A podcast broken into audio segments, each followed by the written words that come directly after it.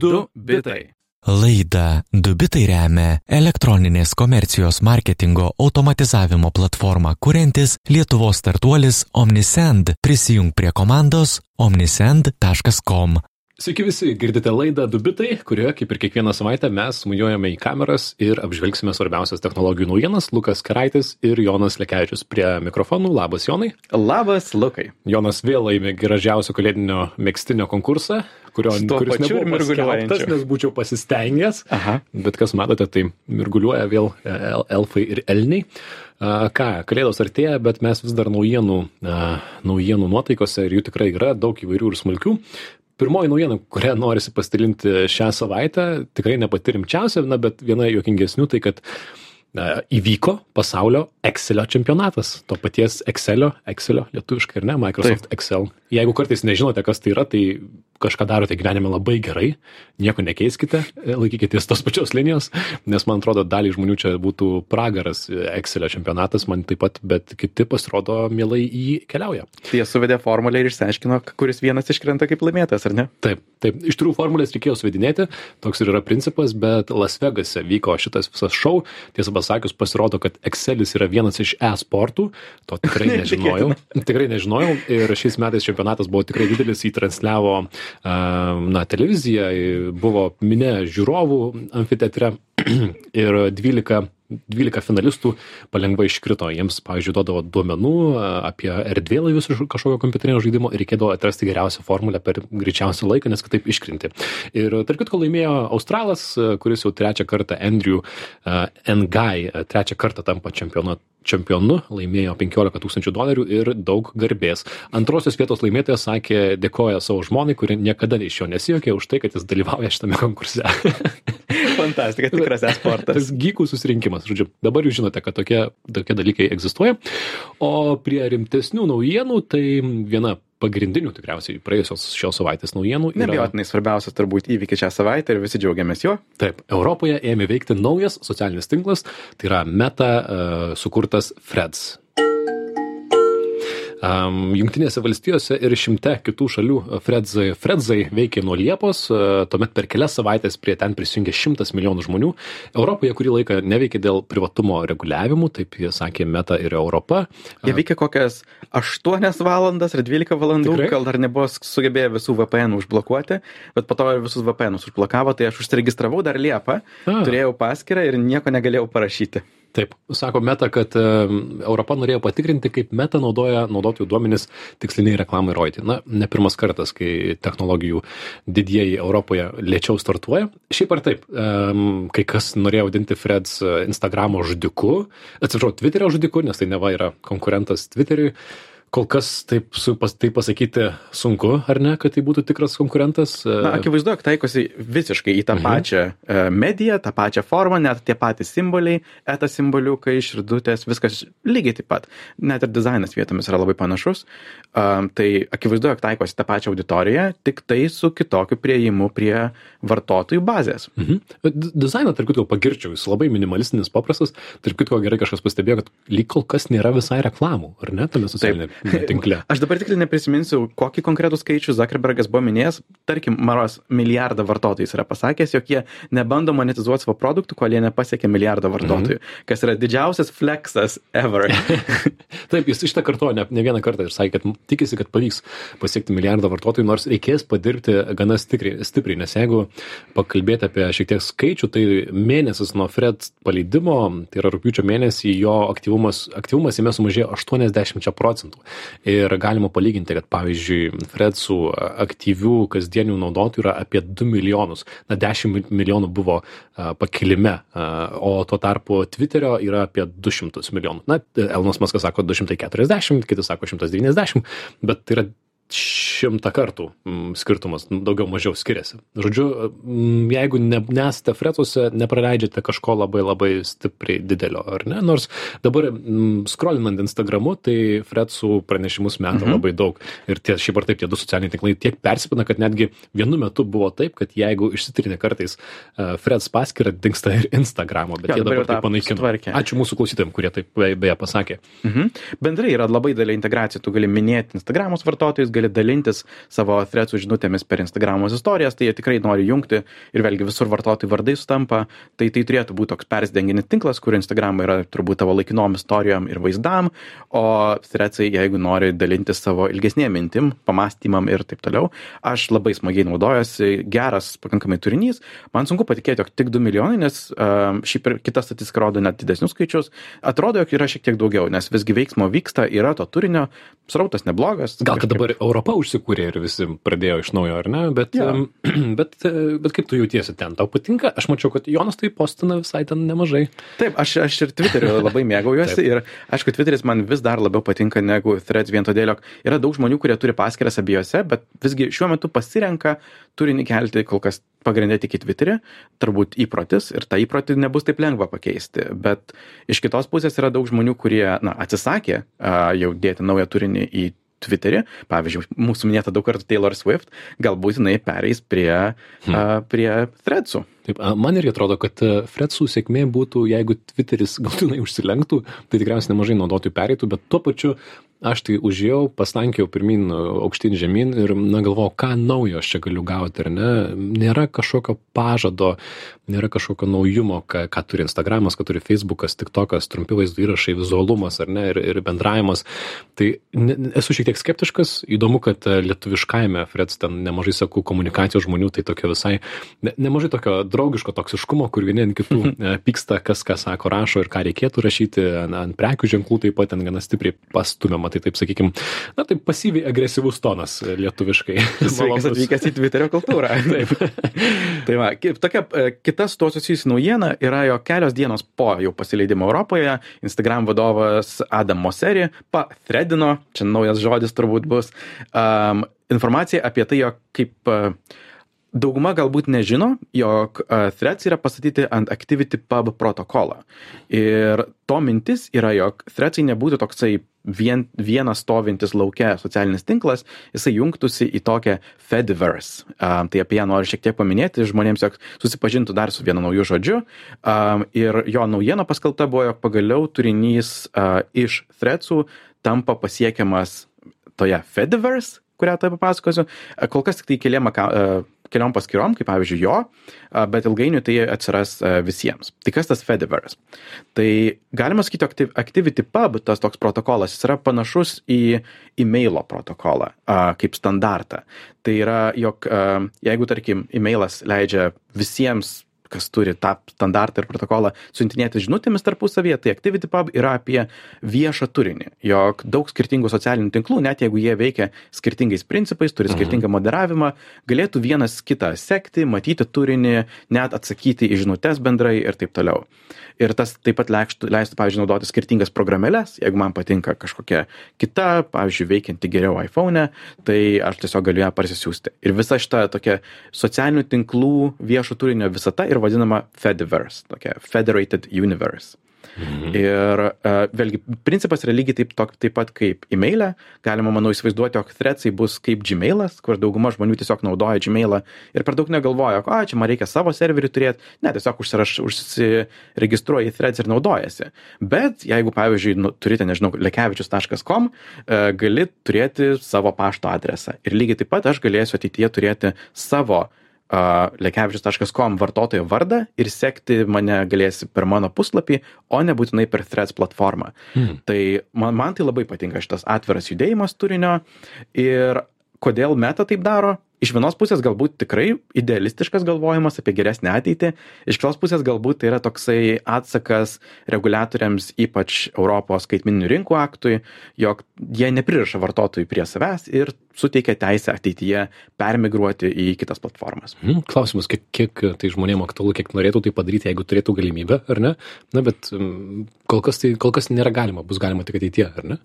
Patys tokie baziniai principai jau yra kuriami ir jie pažadėjo, jog vėlgi kitais metais tai jau bus pilnai paleista. Um, ir to užuominos jau tikrai jaučias. Pavyzdžiui, dabar net jeigu tu susikuri threads paskyrą, joje parašyta yra, jog tu esi threads.com vartotojas, bet lygiai taip pat galėtų būti parašyta lekevičius.com vartotojas. Gerai, pakalbėkime apie Instagramą, kuris šalia čia yra e, draugas Freds, tie tinklai persipina, Instagramas taip pat turi šiokių tokių naujienų. Tai nauja tokia įdomi eksperimentinė funkcija, kuri atsirado JAV Instagramos vartotojams.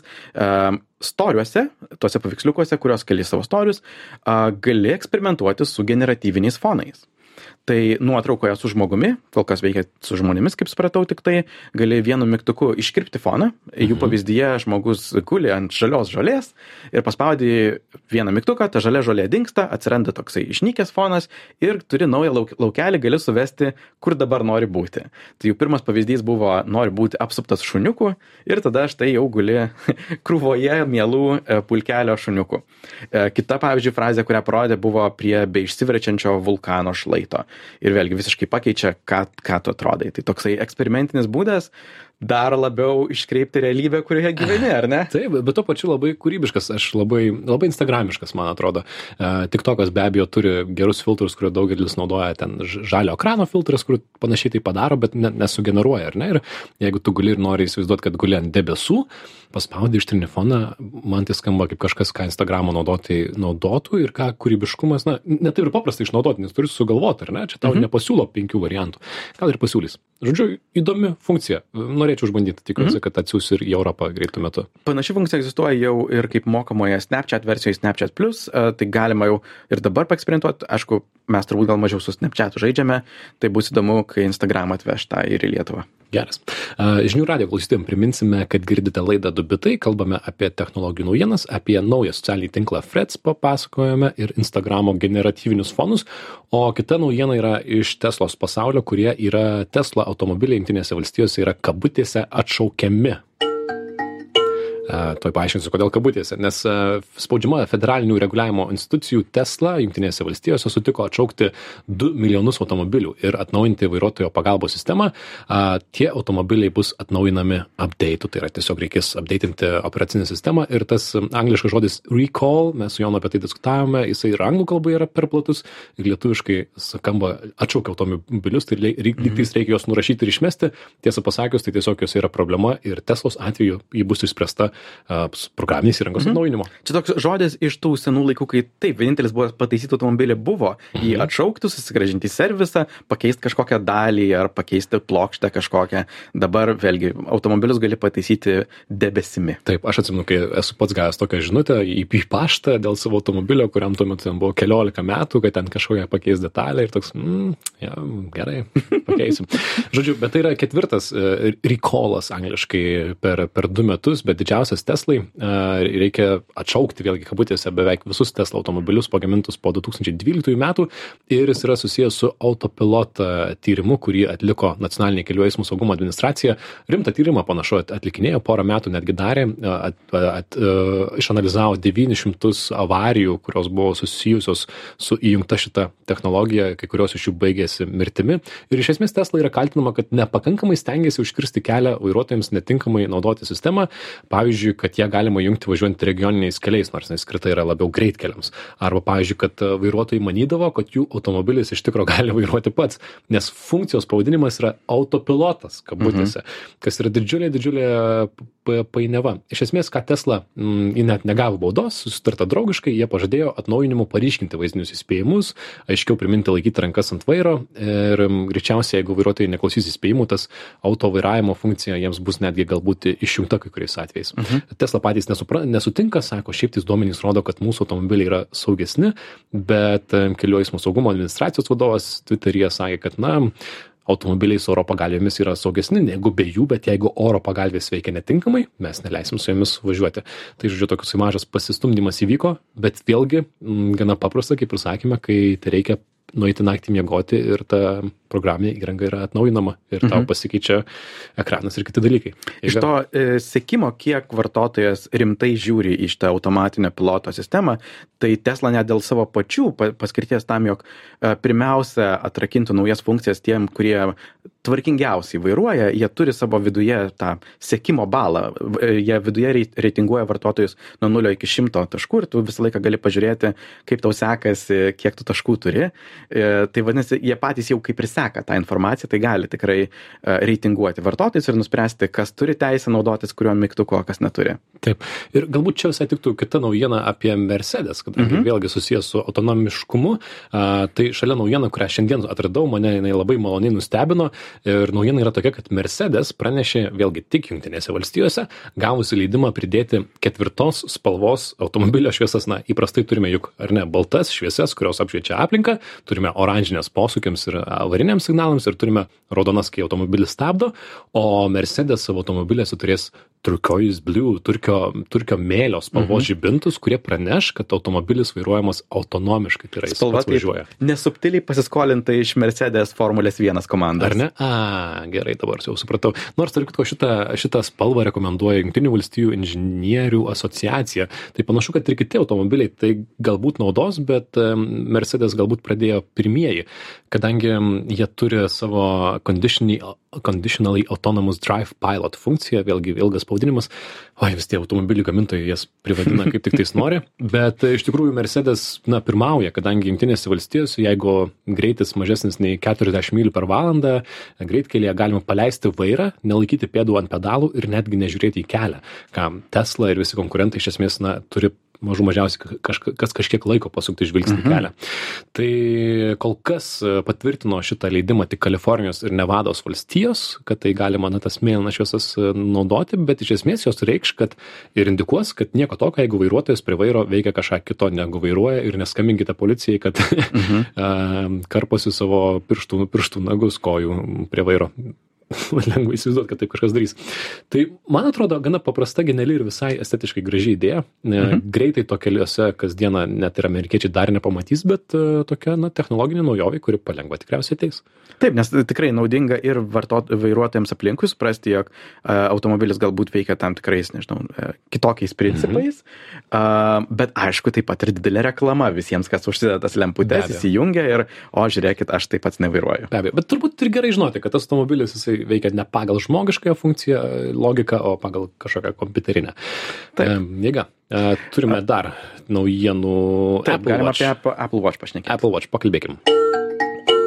Tai dabar jau žinome, kas yra geidžiamiausia kalėdų dovana JAV, nes po to jau nebeįsigysi. Tai yra Apple Watch Series 9 ir Ultra 2, kurių pardavimai bus stabdomi dėl patentų problemų. Tai e, nuo gruodžio 26, kaip tik po kalėdų, nustos e, Apple pardavinėti savo populiariausius laikrodžių modelius savo didžiausioje rinkoje JAV. Nes International Trade Commission, tarptautinė mainų prekybos. prekybos komisija, atsakinga būtent už tokius patentų ginčius, priemė sprendimą, jog jų šie naujausi uh, Apple Watch modeliai ir konkrečiai juose esantis kraujo deguonės lygį matuojantis sensoriai pažeidžia kitos kompanijos Masimo patentus. Uh, man yra ganėtinai įdomu, nes šiaip Apple, aišku, dažnai uh, ne, ne savo patentus naudoja, dažniausiai mhm. būna su tuo kažkokie sutarimai, bet akivaizdžiai nesutarė su Masimo nieko kito, galbūt Masimo labai daug prašo, jie bendrai net buvo indikavę, jog ne, neužtenka net tiesiog išjungti funkciją, reikia visą laikrodžio dizainą pakeisti, tada akivaizdžiai ne, nebuvo labai draugiški, nenori dėrėtis, žymiai mieliau nori matyti, jog tiesiog Apple laikrodis neegzistuotų pardavime.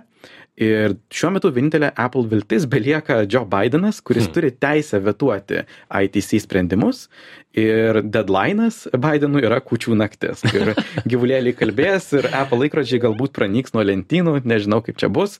Uh, vėlgi ir žmonės spėlioja, kaip darys Bidenas, nes iš vienos pusės, nu kaip ir nebūtų smagu atimti iš žmonių laikrodžius, kurius, kurių jie nori, iš kitos pusės, vėlgi daug kas nemėgsta tų didelių kompanijų technologijų. Tai bus toks sudėtingas sprendimas, galbūt nevetuos ir tada Apple reikės kažkaip kitaip suktis, kaip mm pardavinėti savo populiariausius laikrodžius, nes jie tikrai nenori to prarasti. Na, komisija tikriausiai nebereikalo tą, tą sprendimą priemė, matyt, ten yra tose detalėse kažko, ko mes nežinom, a, šiaip ar taip, bet tikėtina, kad tie laikrodžiai, būtent 9 ir Ultra, šią, šią akimirką spėjau, jie jau yra pabrangę, ar ne, kadangi mm. nebenusipirksi, tampa tam tikro ekskluzyvų, e, gal net verta Apple palaukti, kitų neleisti, nes tokia tam tikra prasme ir reklama gaunasi netikėtai iš to. Tikrai taip. Kažkaip retai nuskamba tokios istorijos, kai dėl patentų susipyksta, bet spėjau, kad jų dažniausiai dažniausiai vyksta susitarimai. Labai mhm. retai, kada tas perinė tokį, ne, mes nesitarsime, jūs tiesiog nustokit pardavinėti. Taip. E, gerai, puiku. Dar viena naujiena, kuri man nenustebino iš Pakistano. Tikriausiai apie tai nelabai šitą dalį iš pasaulio pakalbam. Tai viena naujiena iš ten. Pirmadienį dirbtinis intelektas leido buvusiam Pakistano ministrui pirmininkui Imranui Khanui vesti rinkimų kompaniją iš užgrotų. Mm, jis yra šis buvęs pirmininkas, ministras yra nuo, mėnes, nuo rūpiučio mėnesio kalinamas ir teisiamas už slaptų dokumentų nutekinimą. Jo teigimu kaltinimai buvo išgalvoti, kad jis negalėtų dalyvauti rinkimuose, kas mums iš esmės nelabai ne taip ir svarbu šitoje technologijų naujienoje. E, nors politikas įkalintas, socialiniuose tinkluose buvo pasidalinta keturių minučių video, kuri, kuris įgarsintas jo balsu ir kreipėsi į rinkėjus, bet um, tame video jisai kreipėsi ir kviečia į politinį renginį, kuris buvo online įvykdytas ir tarp kitko buvo labai populiarus. E, tuo metu valdžia netgi blokavo socialinius tinklus, tai dramos čia tame nemažai bet pasak šio buvusio ministro pirmininko partijos atstovų politikas per teisininkus nusiuntė trumpą scenarijų kurį parašė kuris buvo paredaguotas ir to politiko balsas buvo susintetintas, su Eleven Labs įrankiu, tad a, galima buvo klausytis jo besikreipiančio į žmonės, nors balsas buvo sukurtas su dirbtiniu intelektu. Um, netgi ir prasideda tas video nuo to, kad bičiuliai pakistaniečiai pirmiausia norėčiau pagirti socialinės žiniasklaidos komandą už šį istorinį bandymą. Tai tie, kas dirbo su socialinė žiniasklaida, prisėmė savo nuopelnus. Uh, labai įdomu tai pamatyti. The Guardian netgi cituoja mm, pakistaniečius, pakistaniečius, kaip jie reagavo į šį video. Vienas 38 verslo vadybininkas sako, nebuvo labai įtikima, gramatika taip pat keista, bet šaunuoliai, kad stengiasi. Žodžiu, socialinėje medijoje visi kritikai. Aš manau, kad labai įdomus panaudojimas. E, mhm. Tikrai pažiūrėjus tą video, jis netrodo kažkaip keistai, jokingai, iškreipytai. Man atrodo puiku, kad neslėpė, kad tai yra dirbtinis intelektas, ką galėjo norėti padaryti politikai įsivaizduotina, ar ne, kad nuslėpti mhm. ir sakyti, čia aš tiesiog kalbu iš užgrotų.